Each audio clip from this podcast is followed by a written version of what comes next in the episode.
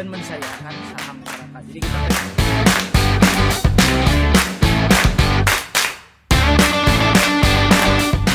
beda sama Jakarta kalau anak Bandung tuh eh, pasti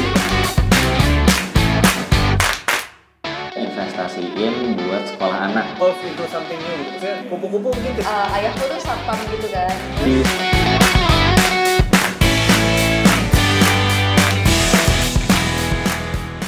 Selamat pagi, siang, sore, atau kapan pun waktu yang kamu pakai buat dengerin podcast ini. Kembali lagi bersama saya Panji di podcast Ngobrol-Ngobrol Bisnis. Eh, sekarang tanggal 1 April 2020, hari ke 16, eh, hari ke-17 eh, gerakan stay at home coronavirus di Indonesia, akibat coronavirus di Indonesia. Nah sekarang eh, setiap bikin podcast ya di podcast ngobrol bisnis ataupun eh, ataupun bikin konten apa pun ya sekarang eh, selalu harus menyertakan eh, day plus berapa gitu Eh, ataupun hari keberapa setelah coronavirus ini udah sok-sokan kayak post apokalips gitu kalau post apokalips kan selalu dicatetin ya kayak ini hari keberapa setelah eh, bencana apa ini hari keberapa setelah. Enggak sih sebenarnya eh, sebenarnya bukan ada niatan untuk itu sih, tapi ya sekedar ini aja ya, sekedar catatan aja buat pribadi gitu. Jadi ini hari ke eh, ini sudah hari keberapa gitu setelah post apokalips eh setelah eh, work from home ya ataupun stay at home ataupun ya karantina diri lah ya. Nah, sekarang ini versi monolog lagi karena memang eh, ya seperti yang tadi udah saya bilang eh, kita lagi social distancing ya. Jadi ada beberapa eh, rencana podcastan bareng sama beberapa teman mesti tertunda dulu gitu karena eh, masing-masing pada self isolation atau eh, masing-masing pada menerapkan social distancing. Cuman mungkin nanti akan mencoba apa ya video call. Kemarin sebenarnya udah beberapa kali video call dan juga apa ya eh, kirim-kiriman pesan message gitu eh, baik dengan teman-teman di Indonesia maupun di luar. Karena kan ini wabah internasional ya. Jadi kemarin saya juga sempat sempat eh, berkorespondensi dengan beberapa teman di luar negeri. Pengen sharing aja sih mereka gimana keadaannya di sana bisnis gimana di sana eh, eh, ya saling memotivasi saling ngecek keadaan juga dan juga saling apa ya ya sharing kali ya apa yang bisa kita dapetin. Terutama kan negara-negara yang memang udah duluan kena dampaknya. Kayak kemarin dari Cina juga sempat sharing terus juga ada temen dari Jerman yang udah duluan uh, lockdown bukan lockdown ya lebih uh, dibatasi lah uh, kegiatan sosial di luarnya. Terus juga ada dari Korea kemarin yang sempat sempat chat-chatan juga. Ya nanti coba di mungkin uh, kalau saya uh, apa namanya ya cukup niat lah nanti saya coba rangkumin lah diskusi-diskusi mereka atau nanti coba saya tanyain apakah mereka mau mau sharing live podcast gitu live podcast gitu misalnya Nah, sebenarnya sedikit membahas so- social distancing ini ya. Nah, kenapa sebenarnya kita harus social distancing? Karena sebenarnya kan bisa jadi kita udah tertular eh, dan takutnya kita menularkan kepada orang lain, atau yang kedua adalah kita belum tertular tapi kita keluar takut eh, tertular oleh orang lain. Nah, sebenarnya paradoks bukan paradoks ya. Eh, konsep ini tuh mengingat, mengingatkan mengingatkan saya pada eh, Schrödinger cats ya Schrödinger cats kalau ada yang eh, mungkin belajar fisika atau engah dengan eh, istilah Schr- Schrödinger cats pasti udah ngerti ya Schrö- Schrödinger cats kan adalah eh, thought eksperimen dari si Schrödinger eksperimen pe- eksperimen pemikiran lah dari si Schrödinger. Schrödinger nih salah satu researcher gitu Uh, dia melakukan eksperimen pemikiran aja karena tidak ada praktek langsung. Dia membayangkan kalau ada satu kucing ditempatkan dalam box uh, dan di box itu sebenarnya ada uh, boxnya vakum gitu dan ada uh, di situ ditaruh racun uh, dan racunnya bisa menyebar uh, kalau meluruh uh, dalam beberapa waktu kayak gitu. Nah di eksperimen pemikirannya si Schrödinger ini uh, dia bayangin bisa jadi ada suatu momen adalah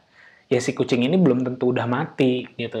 Uh, si kucing ini dalam keadaan hidup dan mati sekaligus karena belum bisa dicek gitu kan, belum bisa dicek si kucingnya gitu.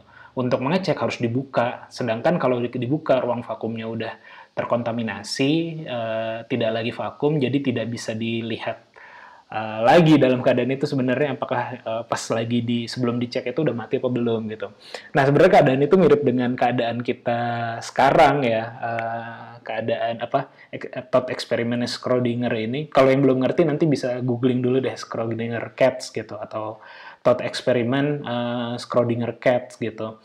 Uh, kurang lebih keadaannya sama dengan kita saat ini gitu, yaitu Eh, kita dalam dilema keadaan boxnya ya rumah ini gitu ya boxnya adalah rumah kita kita bertinggal di sini di mana kita sebenarnya belum tahu apakah uh, kondisi A adalah uh, kita sudah terpapar uh, virus corona tapi belum ada simptomnya. Dan kalau kita keluar kita bisa menulari orang.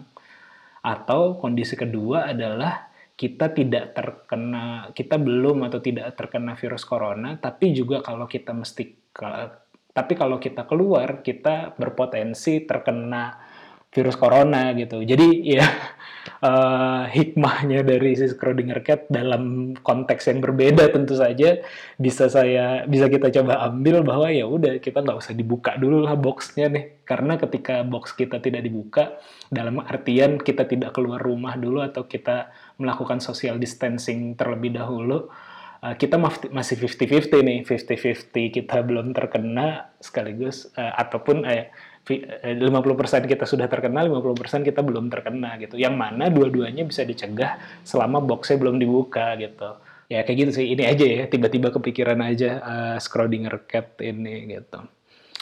Uh, tapi pun dalam keadaan kayak gitu kita tidak bisa membatasi orang yang memang seperti di podcast uh, monolog saya sebelumnya saya bilang uh, banyak pekerjaan yang memang tidak bisa work from home gitu dalam konteks ini saya pun uh, tadi sekarang hari Rabu ya uh, saya sempat keluar gitu ya saya sempat keluar rumah karena memang lagi ada uh, apa ya uh, teman-teman bikin uh, donasi gitulah dan kita harus uh, apa namanya melakukan ya melakukan pe, memberikan ya harus datang ke lokasi langsung gitu. Jadinya uh, ngas ya jadinya mesti keluar. Tapi di jalan tadi saya lihat memang rame sih jalanan rame gitu.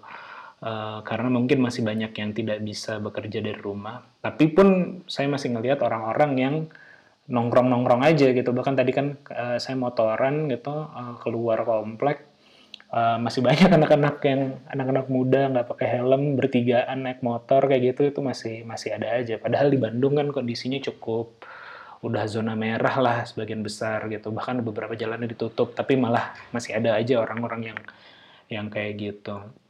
Nah tadi juga ngomongin uh, sedikit ngomongin donasi. Sebenarnya uh, tadi pagi dengerin videonya uh, siapa namanya? Haris Azhar di di ILC ya. Uh, eh, videonya videonya ya C yang ngebahas si yang ngomong si Haris Azhar sama Fazrul Rahman. Uh, sebenarnya sih cukup menarik apa yang dia omongin ya si Haris Azhar itu ya.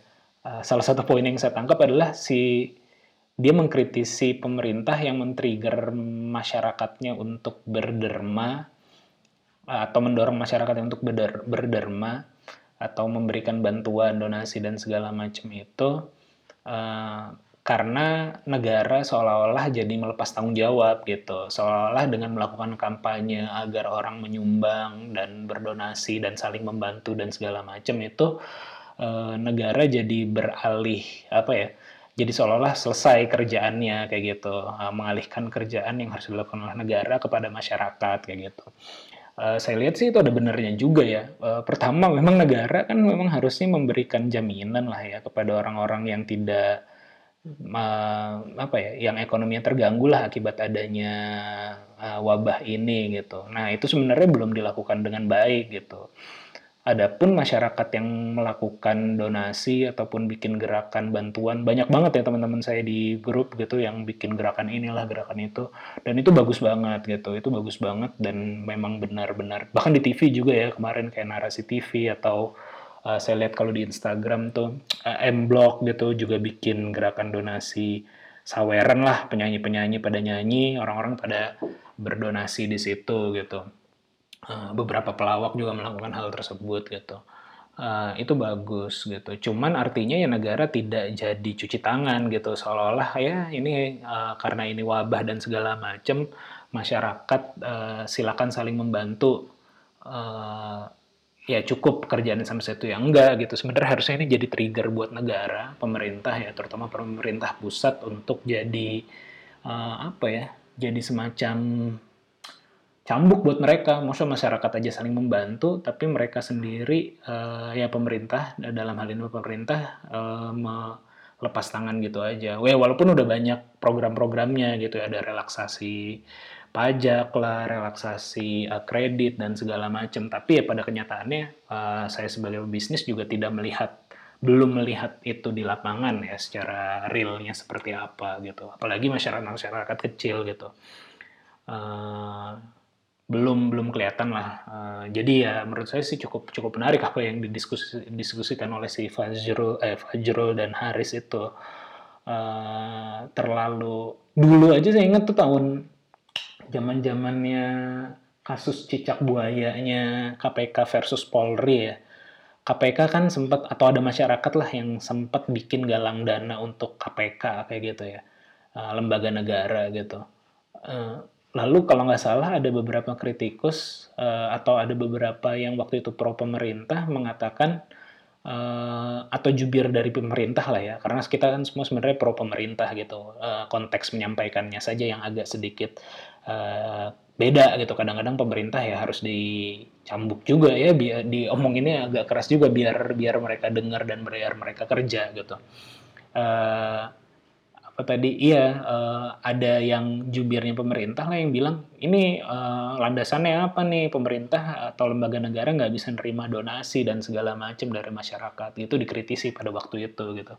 Tapi sekarang malah uh, di beberapa lembaga negara mengkampanyekan hal itu juga gitu ya. Mengkampanyekan ayo donasi donasi untuk rumah sakit rumah sakit uh, negeri atau rumah sakit rumah sakit pemerintah yang jadi pusat uh, atau jadi tempat penanganan bencana atau wabah corona ini gitu.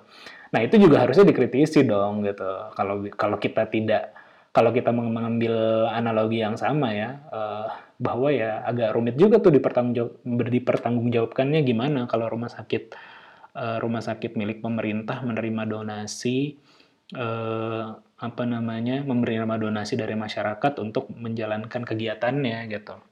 Walaupun dalam konteks uh, kemanusiaan ya itu sah-sah aja gitu. Manusia saling membantu satu sama lain. Cuman maksud saya ya, ya benar tadi yang dibilang si Haris itu dan saya juga uh, apa ya menyetujuinya bahwa bukan berarti uh, ya donasi antar masyarakat itu bagus-bagus aja gitu. Tapi bukan berarti pekerjaan pemerintah tuh selesai dengan dengan itu aja gitu.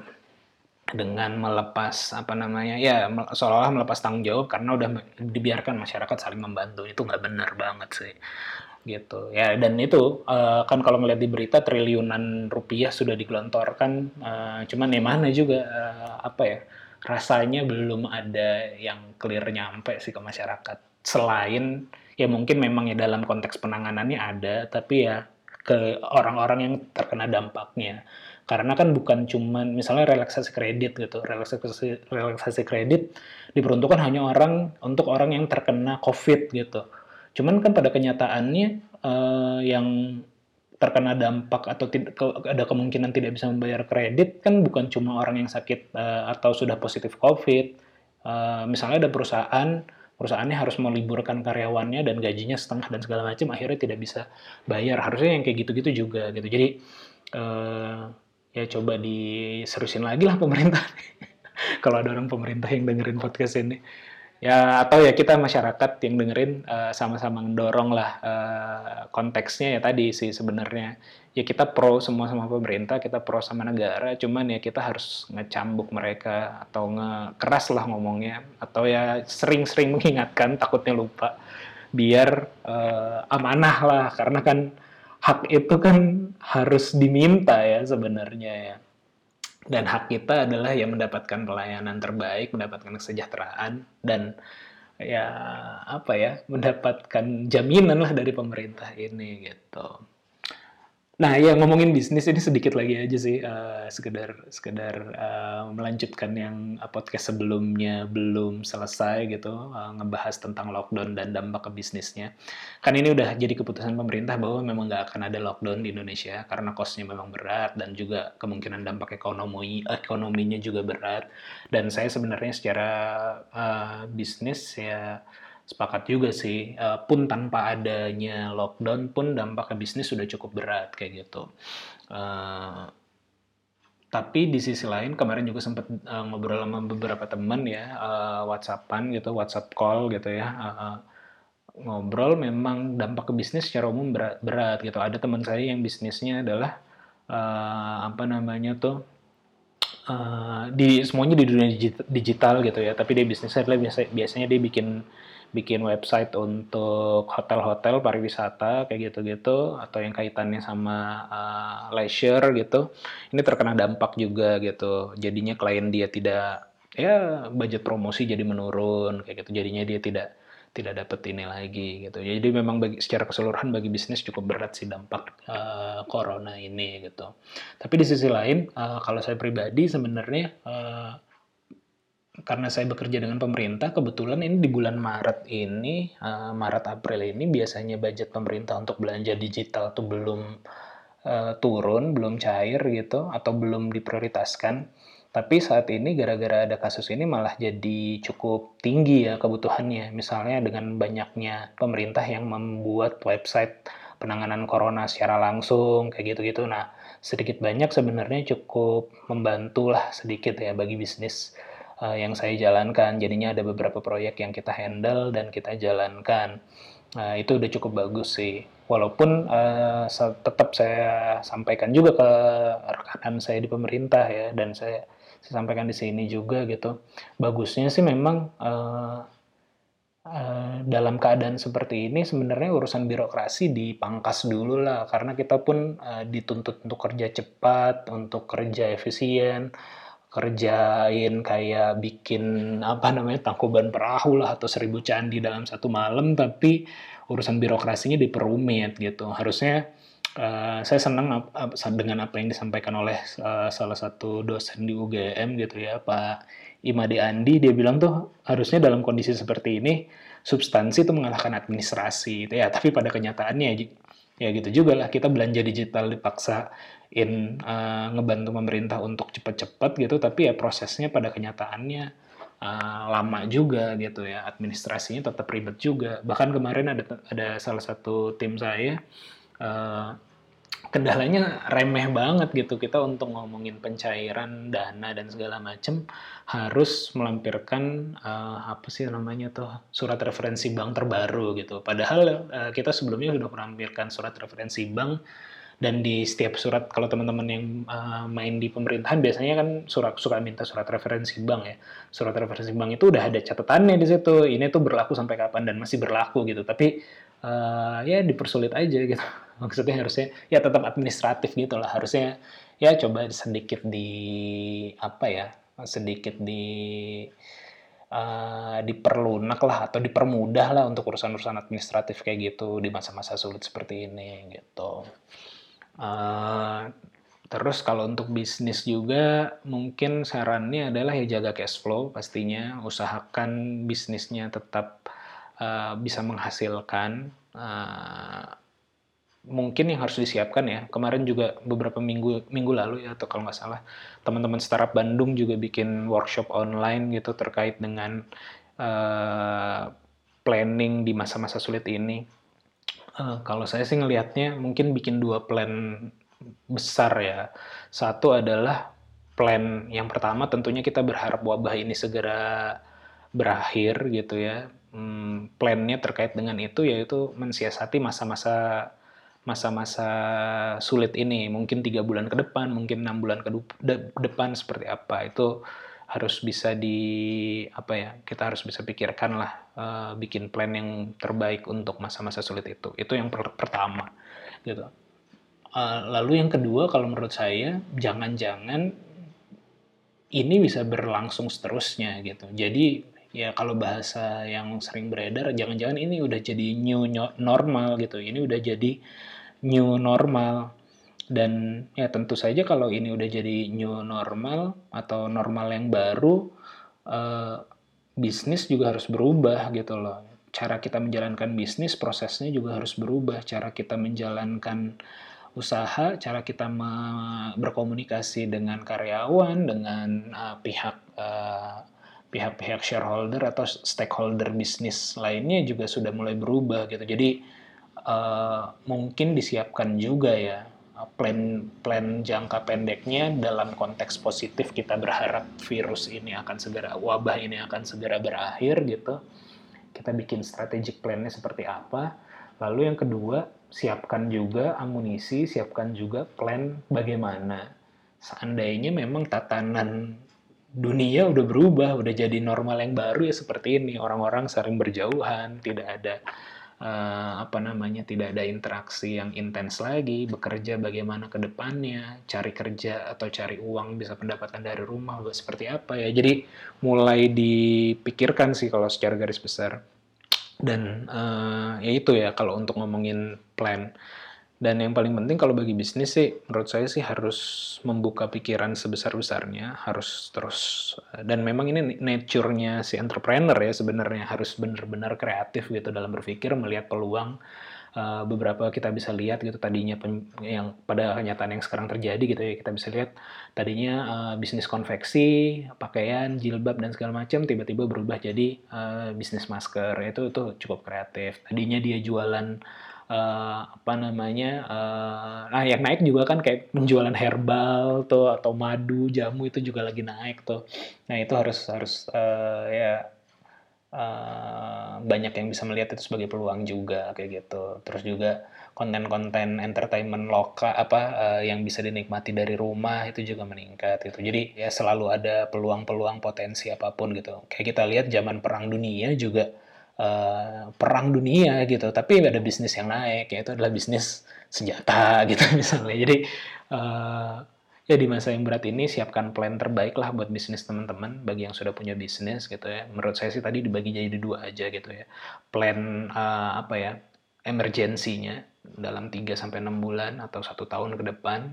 Dan juga plan besarnya jangan-jangan memang ini udah jadi new normal gitu. Jangan-jangan ini udah jadi normal yang baru teman-teman harus menyiapkan dan mengantisipasi bagaimana bisnis teman-teman bisa uh, apa ya menunggangi normal yang baru ini gitu. Tatanan udah berubah teman-teman harus bisa tetap bisa naik lah uh, bisnisnya gitu.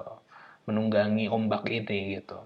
Dan yang ketiga uh, ya harus kreatif sih buka pikiran sebesar besarnya uh, jangan apa ya ya mungkin bisa mem, apa ya mungkin bisa baca-baca ngelihat tren-tren dunia ngelihat apa yang terjadi di luar negeri yang sudah jalan duluan seperti apa apa yang teman-teman bisa lihat dari sana dan teman-teman bisa coba uh, apa ya ya create di Indonesia seperti apa gitu kreatif kan di Indonesia. Kreatif ya sekreatif kreatifnya teman-teman lah bagaimana bisa mensiasati bisnisnya apa pun yang terjadi gitu. Bisa jadi pivoting bisa jadi berubah haluan bisa jadi fondasinya dirubah bisa jadi ya ada yang salah satu teman saya juga yang paling simpel jawabannya lah.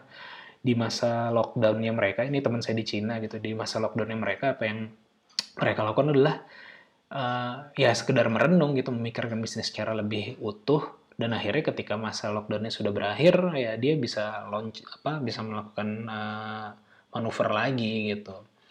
Ya gitu aja sih. Uh, nggak tahu nih mudah-mudahan ada yang bisa ditangkap. Uh, mudah-mudahan ada manfaatnya. Uh, sekarang jam 3 sore saya belum makan siang jadi mau makan siang dulu. Terima kasih yang udah dengerin. Uh, sekian dari saya. Assalamualaikum warahmatullahi wabarakatuh